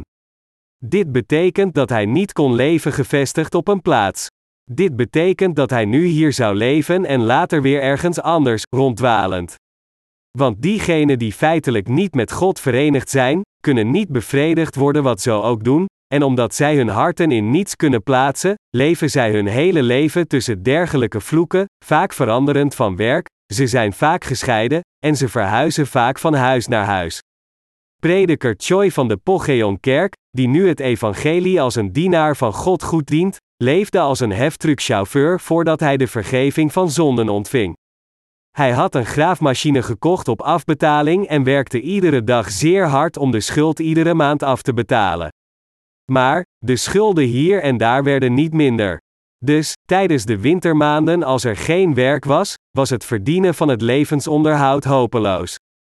Maar, nadat hij een medewerker van het evangelie is geworden, ziet u wat voor een gelukkig leven hij nu leidt. Natuurlijk, zelfs nu, werkt hij ijverig om het evangelie te dienen. Maar feit is dat nu alle inspanningen niet nutteloos zijn, maar eerder het effect hebben opgestapeld te worden in de hemel. In het verleden, ondanks dat hij zeer hard had gewerkt, leverde het land niets meer op, maar nu is hij in staat een kostbaar leven te leiden door het evangelie over de hele wereld te verspreiden, door de kerk te dienen en materiële goederen te sturen naar het hoofdkantoor van onze missieorganisatie met veel winstmakend door zelfs maar een klein beetje te werken. Mensen die in hun harten zonde hebben zijn angstig. Kain was angstig en gekweld want hij had het gevoel dat mensen hem zouden doden voor zijn zonde. Omdat iedereen die niet is wedergeboren zonden in zijn of haar hart heeft, voelt het hart angst, als de persoon zich met zijn hart niet verenigt met het God gegeven evangelie van het water en de geest, nog geloof heeft. De persoon zal met het gevoel leven een slachtoffer te zijn, alsof iemand hem of haar zou doden of verwonden. Als wij ons niet verenigen met de waarheid, dan blijft het daar niet bij. Want de vloeken zullen niet stoppen uitgegoten te worden. Echter, in tegendeel, mensen die hun harten verenigd hebben met de liefde van Gods waarheid zullen grote zegeningen ontvangen. Om deze reden moeten we ons met God verenigen. Begrijpt u dit? Als God een slechte God zou zijn voor ons, dan zou er geen behoefte zijn ons te verenigen. Maar omdat Hij zo genadig en goed is, is er geen reden waarom wij ons niet met Hem zouden verenigen. Als een persoon onwillig is zich met God te verenigen, dan moet die persoon dikkoppig zijn. Wat ik probeer te zeggen is dat als een persoon een normaal verstand heeft, welke reden kan hij of zij dan hebben om zich niet met God te verenigen zoals Abel? Er staat geschreven: Kain zei tegen de Heer: Die straf is te zwaar. U verjaagt mij nu van deze plek en ik mag u niet meer onder ogen komen, en als ik dan dolend en dwalend over de aarde moet gaan, kan iedereen die mij tegenkomt mijn doden. Maar de Heer beloofde hem: Als iemand jou doodt, zal dat zevenmaal aan hem worden gewroken. En hij merkte Kain met een teken, opdat niemand die hem tegenkwam hen zou doodslaan. Genesis 64, vers 13 tot 15. God gaf Kain een kans, zeggend: Ik heb al jouw zonden en overtredingen uitgewist. Deel samen opnieuw met mij mijn woord van waarheid. Als je in een dergelijke staat bent omdat jij je de eerste keer niet met mij hebt verenigd, probeer dan opnieuw met mij te verenigen. Maar, wat deed deze persoon uiteindelijk? Kain vertrok uit de aanwezigheid van God en dwaalde in het land van Nat ten oogste van Ede. Dit betekent dat hij het leven van een vluchteling leefde nadat hij God verlaten had. Kain is de vertegenwoordiger van dergelijke mensen die niet hun harten met God hebben verenigd. Onder al de mensen levend op deze aarde, diegenen die de zegening van God niet hebben ontvangen, zijn mensen gelijk aan deze persoon, Kain. In God bevinden zich de zaligmaking, zegening, het eeuwige leven, goede begeleiding en liefde. Alle dingen worden daar voorbereid. Het enige dat wij moeten doen is geloven in God en de kerk te volgen door onze harten met Hem te verenigen. Kain is de vertegenwoordiger die niet deze genade accepteerde en niet zijn hart samen met God verenigde. Sommige predikers interpreteren de geschrifte passage van vandaag door te zeggen: God accepteerde dit niet omdat Kain de producten van de grond offerde die niet nuttig waren, dat wil zeggen, het afval, in plaats van een offer te offeren met oprechtheid. Maar, dit is niet het geval. Want de woede van Kain toont ons dat toen God zijn offers niet accepteerde, we kunnen zien dat hij de producten van de grond offerde die van de mooiste kwaliteit waren. Ondanks dat hij het beste wat hij had offerde verkregen door zijn werk, omdat God dit niet accepteerde en ook omdat zijn jongere broer hem vertelde dat zijn offer verkeerd was, werd hij zo gefrustreerd dat hij zijn jongere broer vermoordde. We moeten beseffen dat het een zonde is zich niet met God te verenigen en ook niet door geloof te wandelen. Wij die geloven in het evangelie van het water en de geest doen ook veel dingen verkeerd in het leven. Dit is waar. Echter, wij sterven niet vanwege onze overtredingen. Dat is omdat wij geloven in het evangelie van het water en de geest. God zei tegen Kain: Als iemand jou doodt, zal dat zevenmaal aan hem worden gewroken. En hij merkte Kain met een teken, opdat niemand die hem tegenkwam hem zou doodslaan. Wat is dit teken? Dit is het evangelie van het water en de geest. God gaf hem feitelijk het teken van zaligmaking. Dus maakte hij het zo dat niemand hem kon ontmoeten en Kain kon neerslaan. Welk soort van teken gaf God aan u en mij? Hij gaf ons het teken van zaligmaking dat ons in staat stelt de vergeving van zonde te ontvangen. Hij gaf ons het woord van het water en de geest. Nu daarom, niemand zelfs niet de duivel of andere mensen kunnen iets tegen de rechtvaardige doen. Echter, we hebben een slecht hart dat zich niet met God wil verenigen. Maar, omdat de Heer zelfs deze zonde uitwiste van het niet willen verenigen met Hem, zodat wij met Hem verenigd kunnen worden, is het enige dat we hoeven te doen ons met Hem opnieuw te verenigen. Als we onze harten samen met Hem verenigen door te zeggen: Lieve God, ik heb echt verkeerd gedaan. U hebt gelijk. De Heer maakte het zo. Hij heeft zelfs deze zonde van mij uitgewist. Hij heeft compleet de zonden uitgewist die ik heb gepleegd vanwege mijn ontoereikendheid. Toen Jezus het doopsel ontving, werden op dat moment al mijn zonden aan hem doorgegeven. Ik geloof in hem, zal de relatie met God worden hersteld, de gemeenschap met hem wordt mogelijk, en we ontvangen overvloedige zegeningen van hem. Maar, Kain ging uiteindelijk weg zonder dit teken met zijn hart geaccepteerd te hebben, van hem vertrekkend, en verbleef in het land van Nat. Wat gebeurt er als men zich niet met God uiteindelijk verenigt? Een volledige vloek valt op die persoon. Er zijn vaak momenten dat de rechtvaardige verkeerd gaat, maar we moeten nooit zoals Kain worden. Als we ons opnieuw met het God gegeven evangelie verenigen door onze overtredingen te erkennen en terugkeren, worden al de zegeningen van God opnieuw van ons. We moeten beseffen hoe belangrijk het is dat wij ons verenigen met de rechtvaardigheid van God. Door ons te verenigen met het evangelie van de rechtvaardigheid van God, ontvangen we de vergeving van zonde, ontvangen zegeningen en leven een gezegend leven. Maar, als we ons niet verenigen, worden we vervloekt, worden we de kinderen van de duivel, gaan we door moeilijkheden zelfs op deze aarde, en uiteindelijk gaan we naar de hel.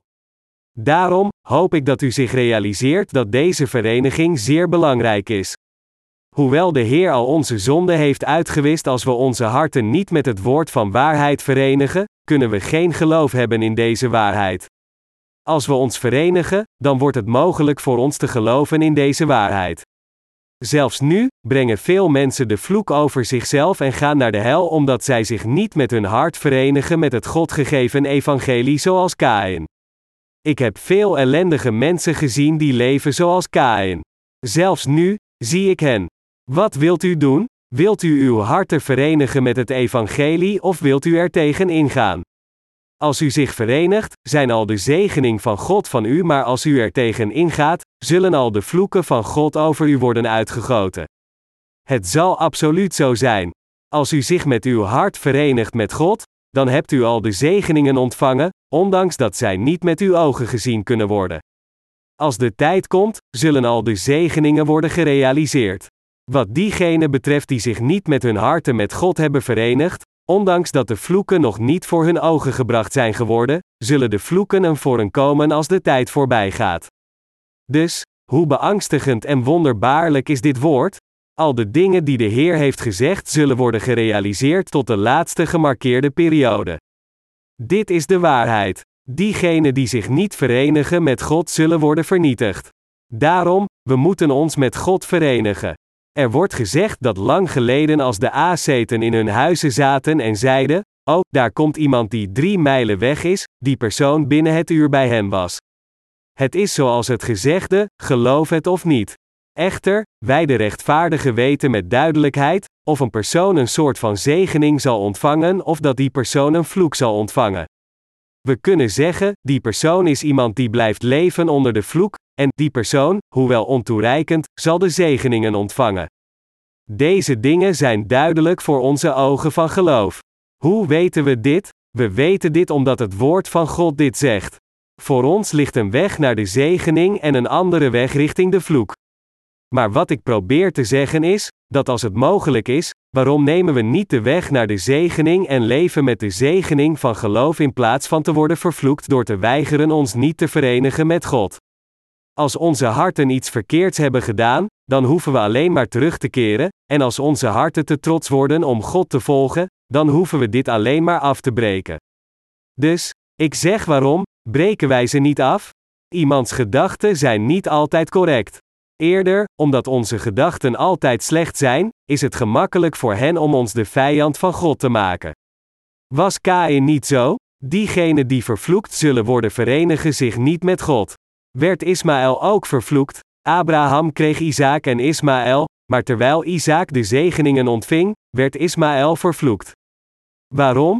Dit was omdat Isaac de zoon van de belofte was, terwijl Ismaël de zoon van het vlees was. De eerste was de zoon van het evangelie, terwijl de laatste was de zoon van de wet. Galaten 4 vers 22 tot 25.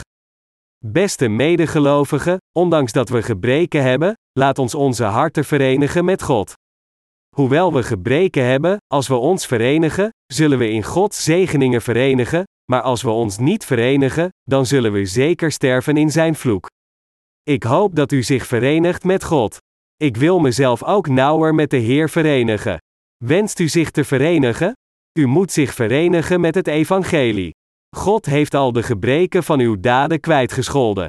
Jezus heeft heel de rechtvaardigheid volbracht door de ontvangst van het doopsel en te sterven aan het kruis.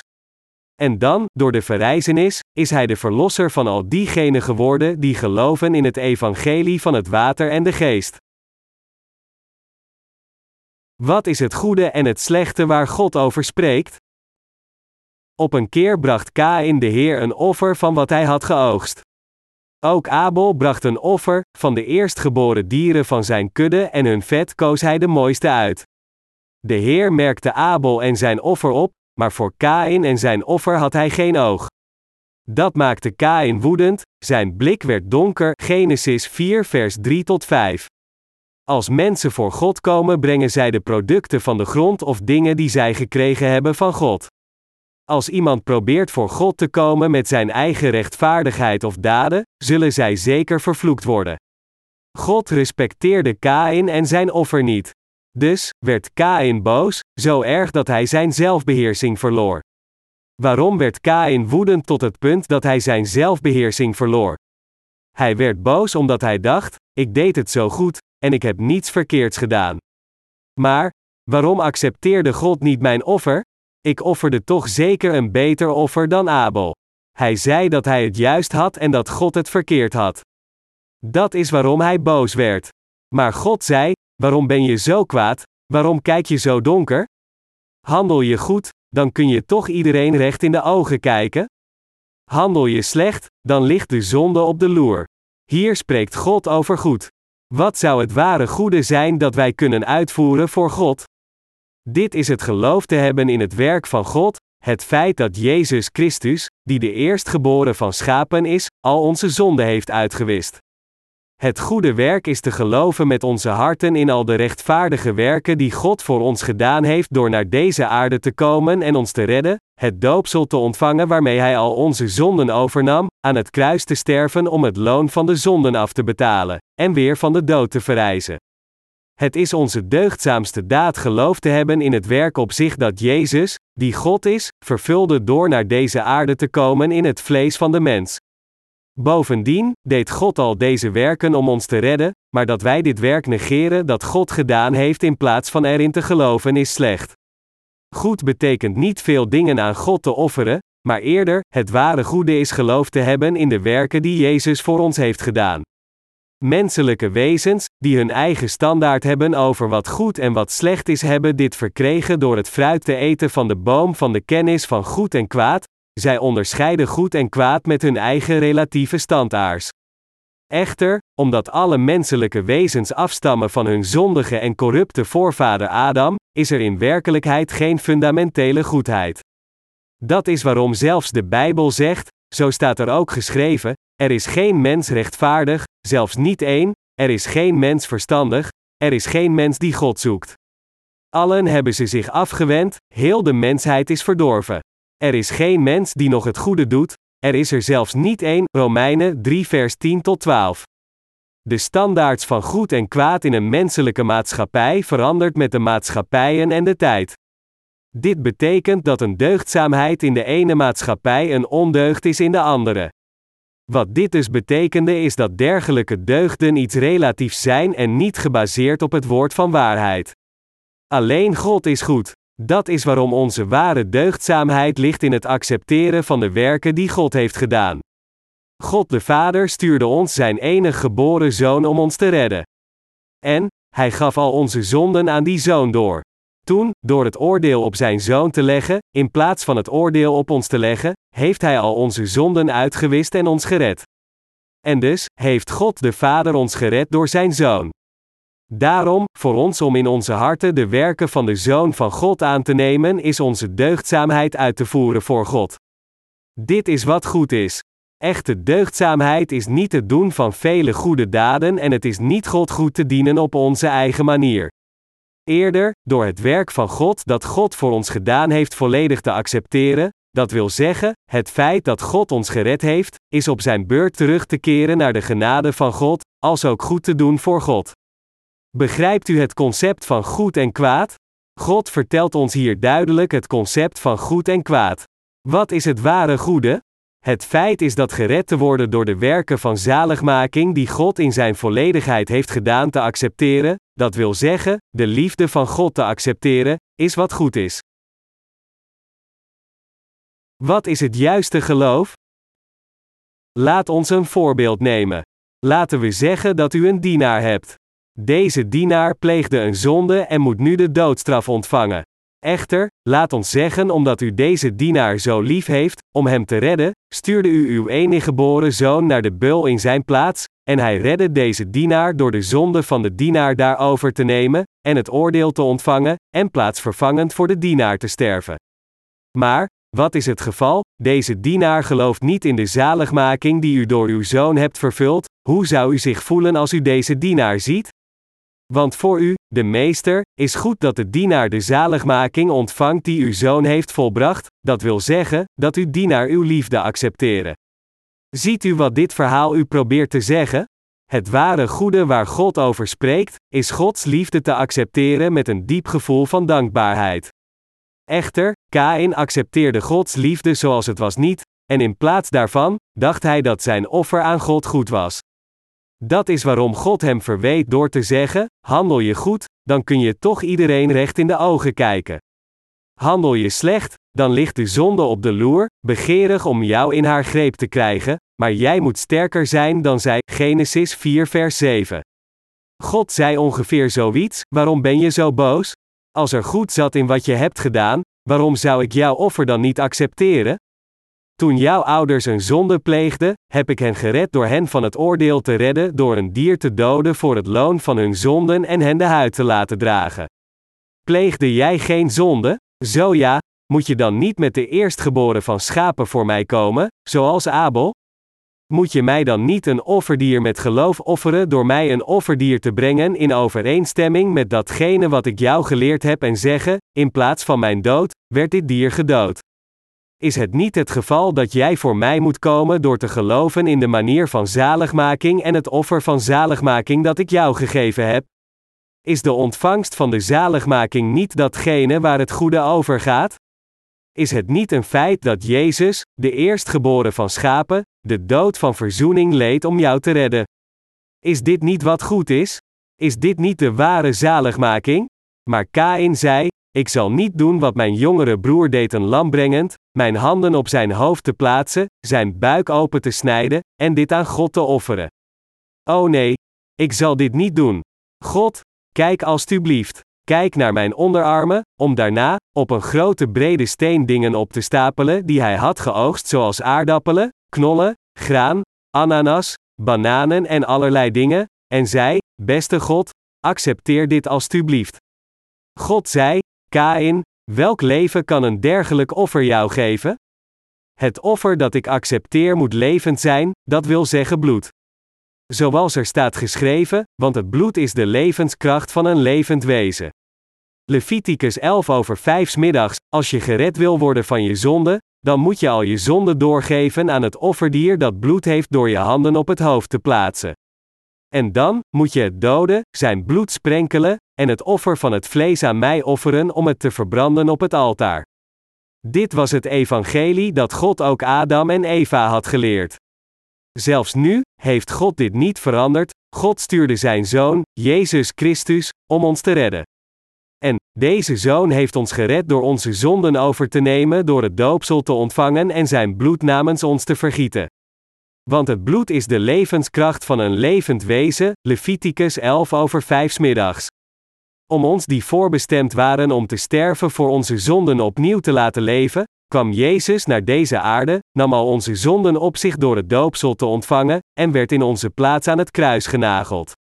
Het zou ook mogelijk zijn geweest voor Jezus om te worden opgehangen, maar waarom moest hij worden gekruisigd en zijn bloed vergieten? Het was omdat de Heer al de zonde van de wereld had overgenomen door het doopsel, en dus moest hij zijn bloed vergieten als afbetaling voor het loon van die zonden om ons perfect te redden.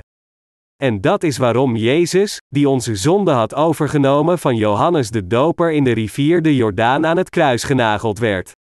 God de Vader hield zoveel van ons dat Hij ons redde door Zijn enige geboren Zoon te offeren. Om ons te redden, nam Jezus al onze zonde compleet over door het doopsel in de rivier de Jordaan te ontvangen, zijn bloed aan het kruis te vergieten, en weer in drie dagen te verrijzen, om nu te zitten aan de rechterhand van de troon van God. Daarom, door geen geloof te hebben in de enige geboren zoon is wat slecht is, terwijl geloof te hebben is wat goed is. De standaard van goed en slecht is afhankelijk van God. Als we niet geloven in de werken die Jezus voor ons heeft gedaan, en God een offer met onze eigen rechtvaardigheid en verdiensten zouden offeren door zelfopofferende diensten te doen, zou dat piëteit aan God zijn of zou dat kinderlijke goddeloosheid zijn? Het toont geen respect aan de ouders door onze eigen dingen te doen zonder de wens van onze ouders te weten. Doen wat de ander blij maakt is wat een deugd is. De standaard van goed en kwaad liggen in God. God zei tegen Kain: Handel je goed, dan kun je toch iedereen recht in de ogen kijken? Handel je slecht, dan ligt de zonde op de loer. Door deze woorden, zegt God: Als het zo is dat je echt goed voor mij hebt gedaan, waarom werd jouw gezicht dan rood? Als het zo is dat je voor mij kwam door correct te geloven in de waarheid waarmee ik jou gered heb, waarom werd je dan zo boos? Dit is omdat jij niet gelooft in mijn woord. Omdat jij niet in mij gelooft, blijf jij vasthouden aan de deugden van jezelf. De zaligmaking is niet iets dat wij hebben gemaakt. Wij hebben de zaligmaking van zonden ontvangen door geloof te hebben in de rechtvaardigheid van God, wij ontvangen de zaligmaking door de deugden van God te accepteren. Er staat geschreven: Het wezenlijke van de liefde is niet dat wij God hebben liefgehad, maar dat Hij ons heeft liefgehad en Zijn Zoon heeft gezonden om verzoening te brengen voor onze zonden. 1 Johannes 4 vers 10. Beste medegelovigen, God heeft ons gemaakt, en toen wij voorbestemd waren om naar de hel te gaan, misleid door Satan de duivel, bereidde God een offer. In het Oude Testament waren de offers levend vee, maar in het Nieuwe Testament was het offer Jezus, het Lam van God.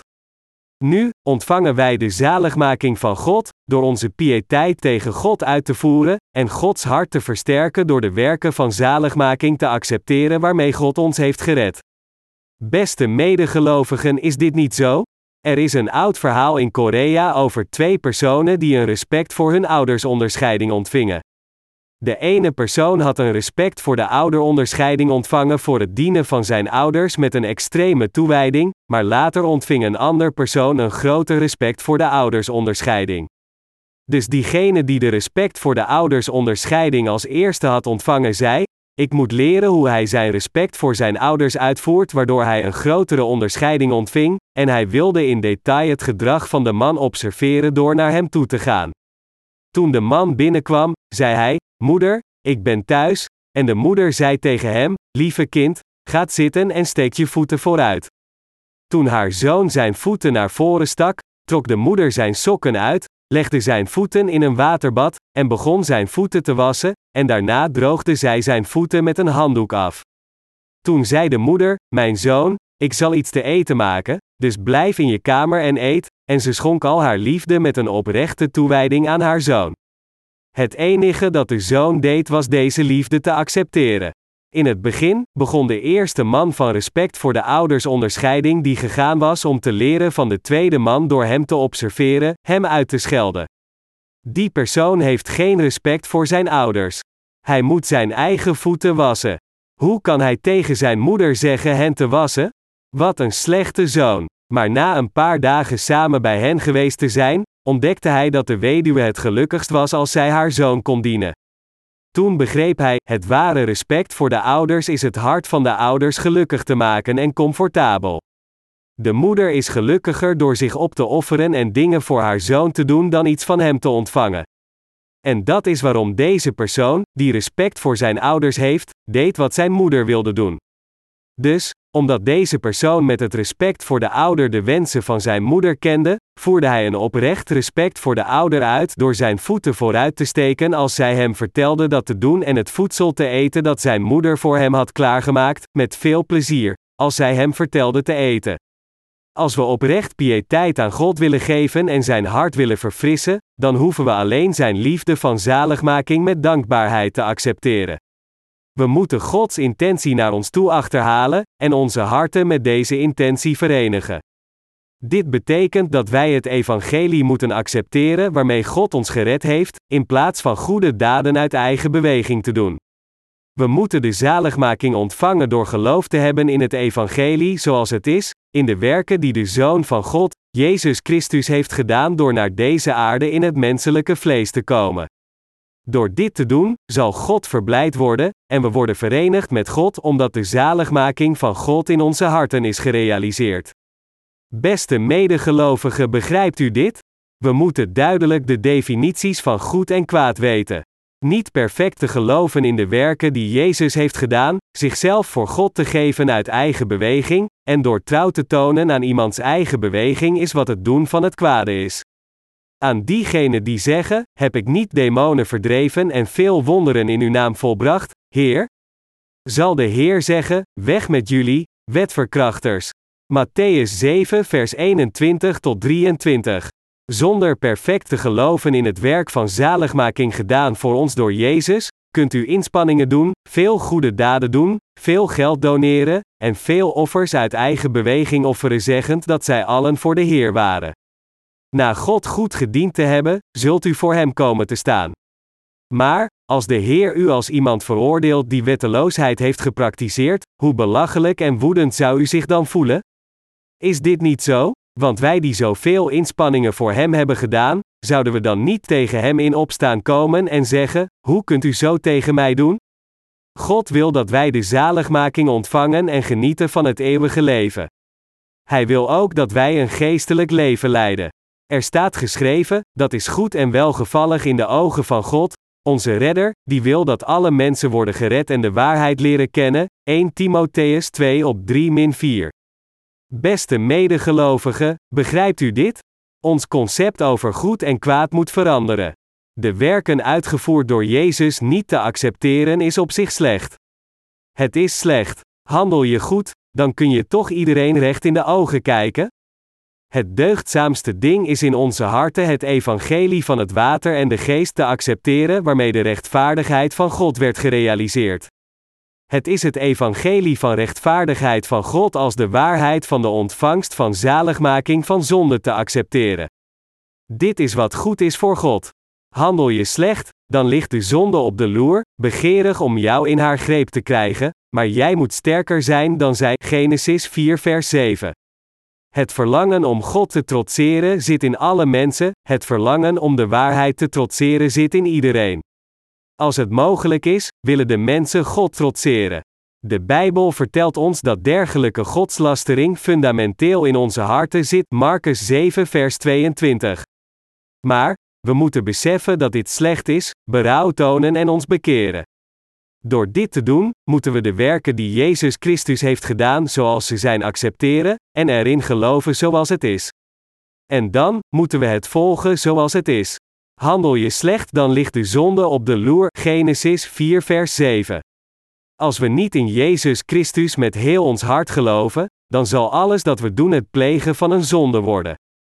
Zonder geloof te hebben in Jezus Christus, zelfs als iemand weeshuizen en bejaardenhuizen bezoekt om hen te troosten en 1 biljoen dollar doneert als een steunfonds, zou dit allemaal het plegen van een zonde zijn.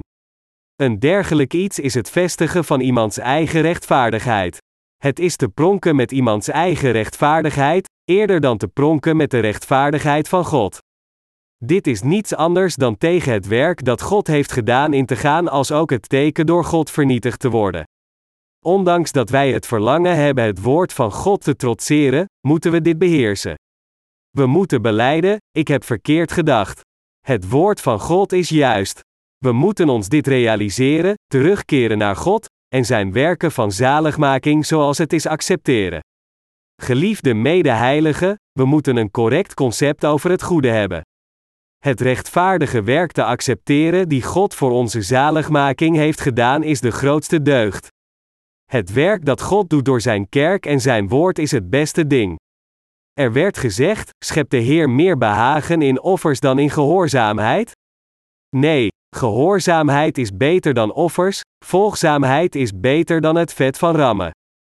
Weerspannigheid is even erg als toverij, en eigenzinnigheid is even slecht als afgodendienst. 1 Samuel 15 vers 22 tot 23. God verblijdt het meest over onze gehoorzaamheid aan het woord van God. Integendeel, het woord van God niet te accepteren is zoals het dienen van idolen. Dit betekent dat het is zoals de zonde van het dienen van de duivel.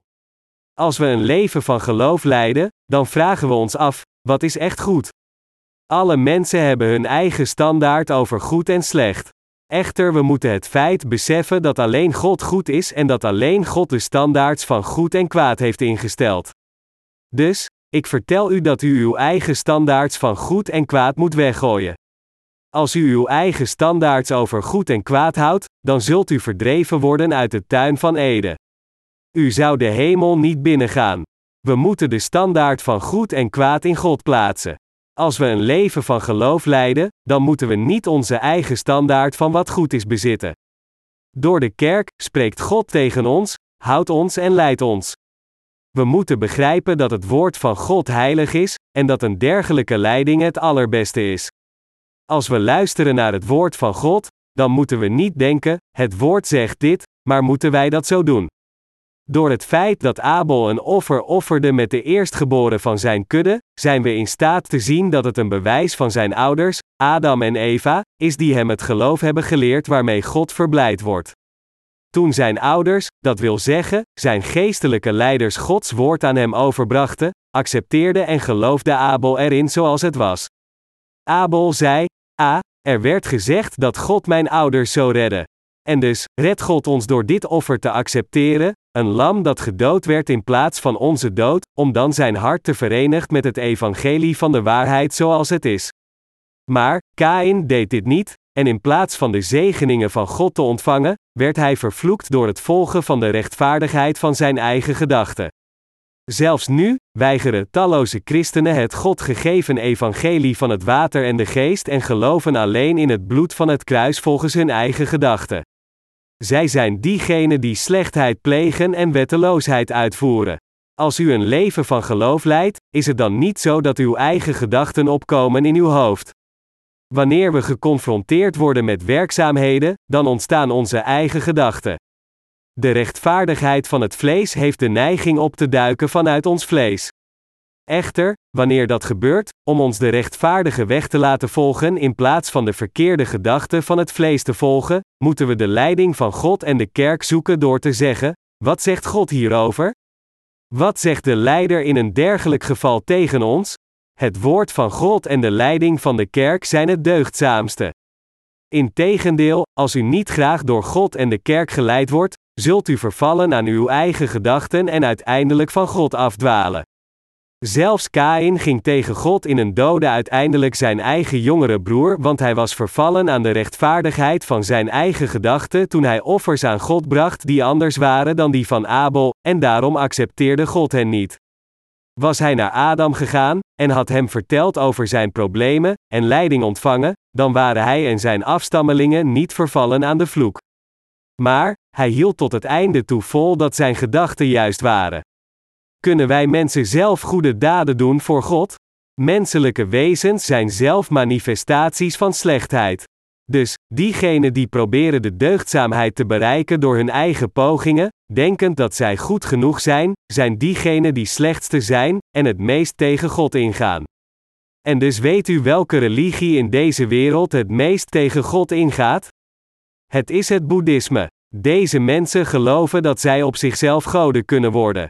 Boeddhisme, dat zegt, als een persoon goede daden doet en ascese praktiseert, dan kan een persoon een god worden, is de religie die het meeste tegen God ingaat. Het boeddhisme gaat tegenwoordig steeds meer heersen over de wereld. Vooral in het westen van Europa toont het boeddhisme een snelle groei. De reden waarom het boeddhisme nu zo actief is in een regio die oorspronkelijk gedomineerd werd door het christendom is het gevolg van twee feiten. Ten eerste, omdat het christendom zonder het evangelie van waarheid de mensen niet de perfecte zaligmaking kon geven, toonden de mensen in plaats daarvan interesse in het boeddhisme met de smaak van de Oosterse mystiek. Ten tweede, omdat het legalistische en leerstellige christendom niet veel verschilt van het boeddhisme, dat fundamenteel zijn eigen deugd zoekt, was het voor het boeddhisme mogelijk in te breuken in de christelijke gemeenschap zonder een groot gevoel van afwijzing. Echter, kunnen menselijke wezens een god worden door hun eigen inspanningen? Het kan nooit zo zijn. De gedachte dat iemand een god kan worden door goede daden te doen en ascese te praktiseren is God het meeste uit te dagen. Als mensen vasthouden aan hun eigen deugden, dat op zichzelf is geen deugd, zoals er werd gezegd, Jezus antwoordde: Waarom noemt u mij goed? Niemand is goed, behalve God. Marcus 10, vers 18. U weet niet hoe groot uw eigen rechtvaardigheid en eigen koppigheid is terwijl u verder gaat met uw leven. Maar, als we leven zoals Kain volgens onze eigen gedachten en koppigheid, zouden we dan in staat zijn de zaligmaking te ontvangen, of zouden we dat niet? We zouden het niet ontvangen. Hoe ontvangen we dit? Als u denkt, wat is de noodzaak voor mij om te geloven in Jezus? Het enige dat ik hoef te doen is deugdzaam te leven zonder verlies toe te brengen aan anderen, het feit is dat u dan nooit in staat zult zijn de zaligmaking te ontvangen. Wat ik bedoel is dat het alleen een menselijke deugd is. Mensen die niet hun eigen slechtheid erkennen en niet terugkeren van dergelijke slechtheid gaan tegen de kerk van God in, net zoals Kain zijn broer Abel doodsloeg. Als iemand zijn eigen onrechtmatigheid beseft, dan moet deze persoon terugkeren van zijn of haar slechtheid, maar Kain, die uiteindelijk verder ging met zijn eigen rechtvaardigheid te verkondigen zonder zich te bekeren, sloeg zijn jongere broer, Abel de rechtvaardige, dood. Wat deed zijn jongere broer verkeerd? Net zoals God zijn ouders had gered door hen te kleden met de tunieken van huid, wilde deze broer de vergeving van zaligmaking ontvangen door een offerlam te doden en dit voor God te brengen, dus wat was het dat deze jongere broer verkeerd had gedaan? Wat had hij verkeerd gedaan waardoor Kain hem doodsloeg in het veld? Dit is het slechte gedrag van goddelozen die het niet goed doen voor God. Omdat hij slechtheid in zijn hart had, sloeg Kain zijn jongere broer, die het goede vervolgde, dood. Dat is waarom de Bijbel zegt, en niet moeten doen zoals Kain, die voortkwam uit hem die het kwaad zelfs is, en zijn broer doodsloeg. En waarom sloeg hij hem dood? Omdat zijn eigen daden slecht waren en die van zijn broer rechtvaardig, 1 Johannes 3 vers 12. Echt waar, als we onszelf niet verloochenen voor het woord van God, dan worden wij een dergelijk persoon.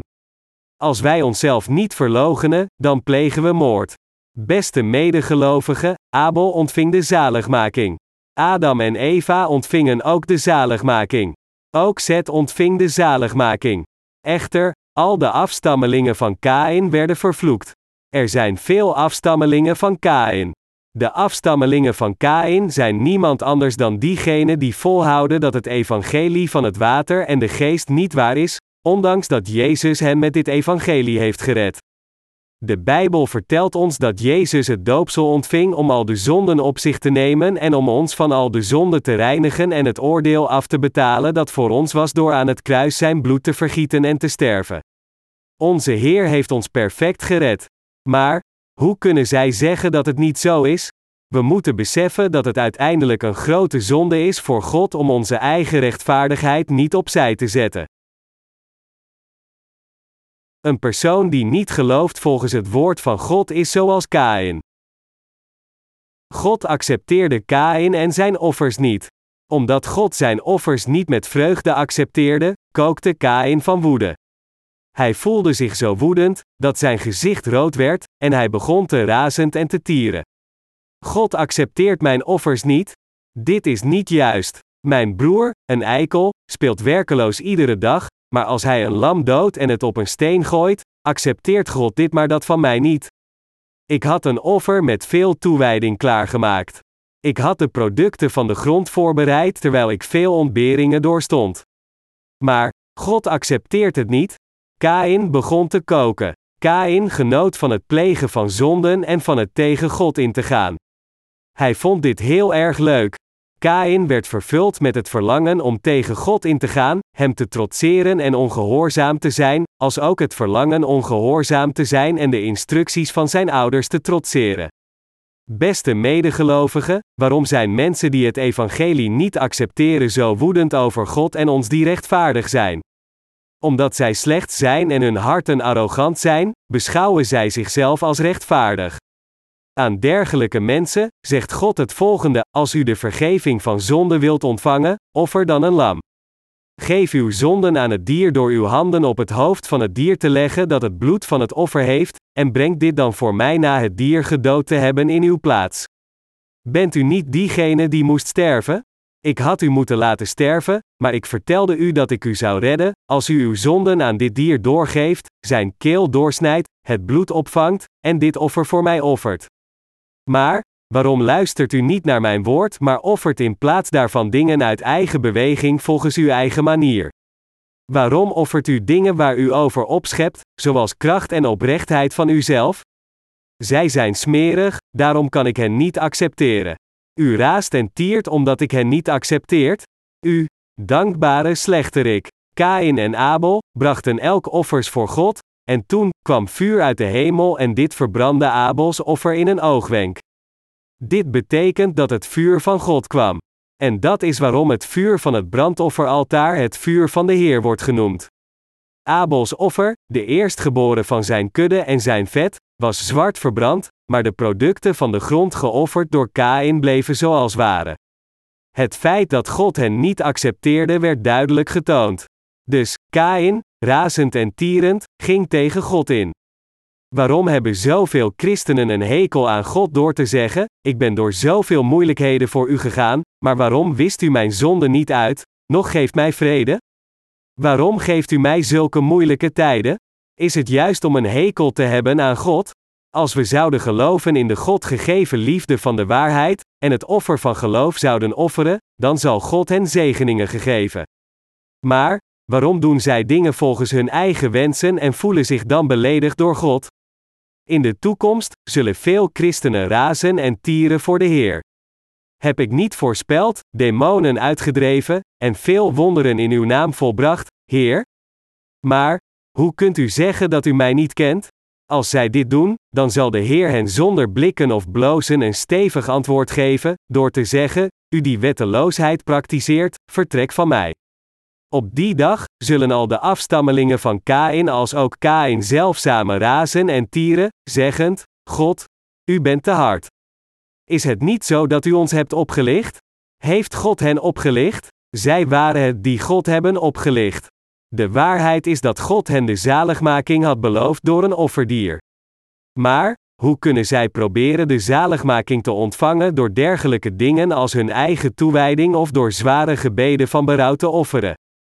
Dergelijke mensen zullen op die dag afgedankt worden. Later sloeg Kain Abel, zijn jongere broer, dood.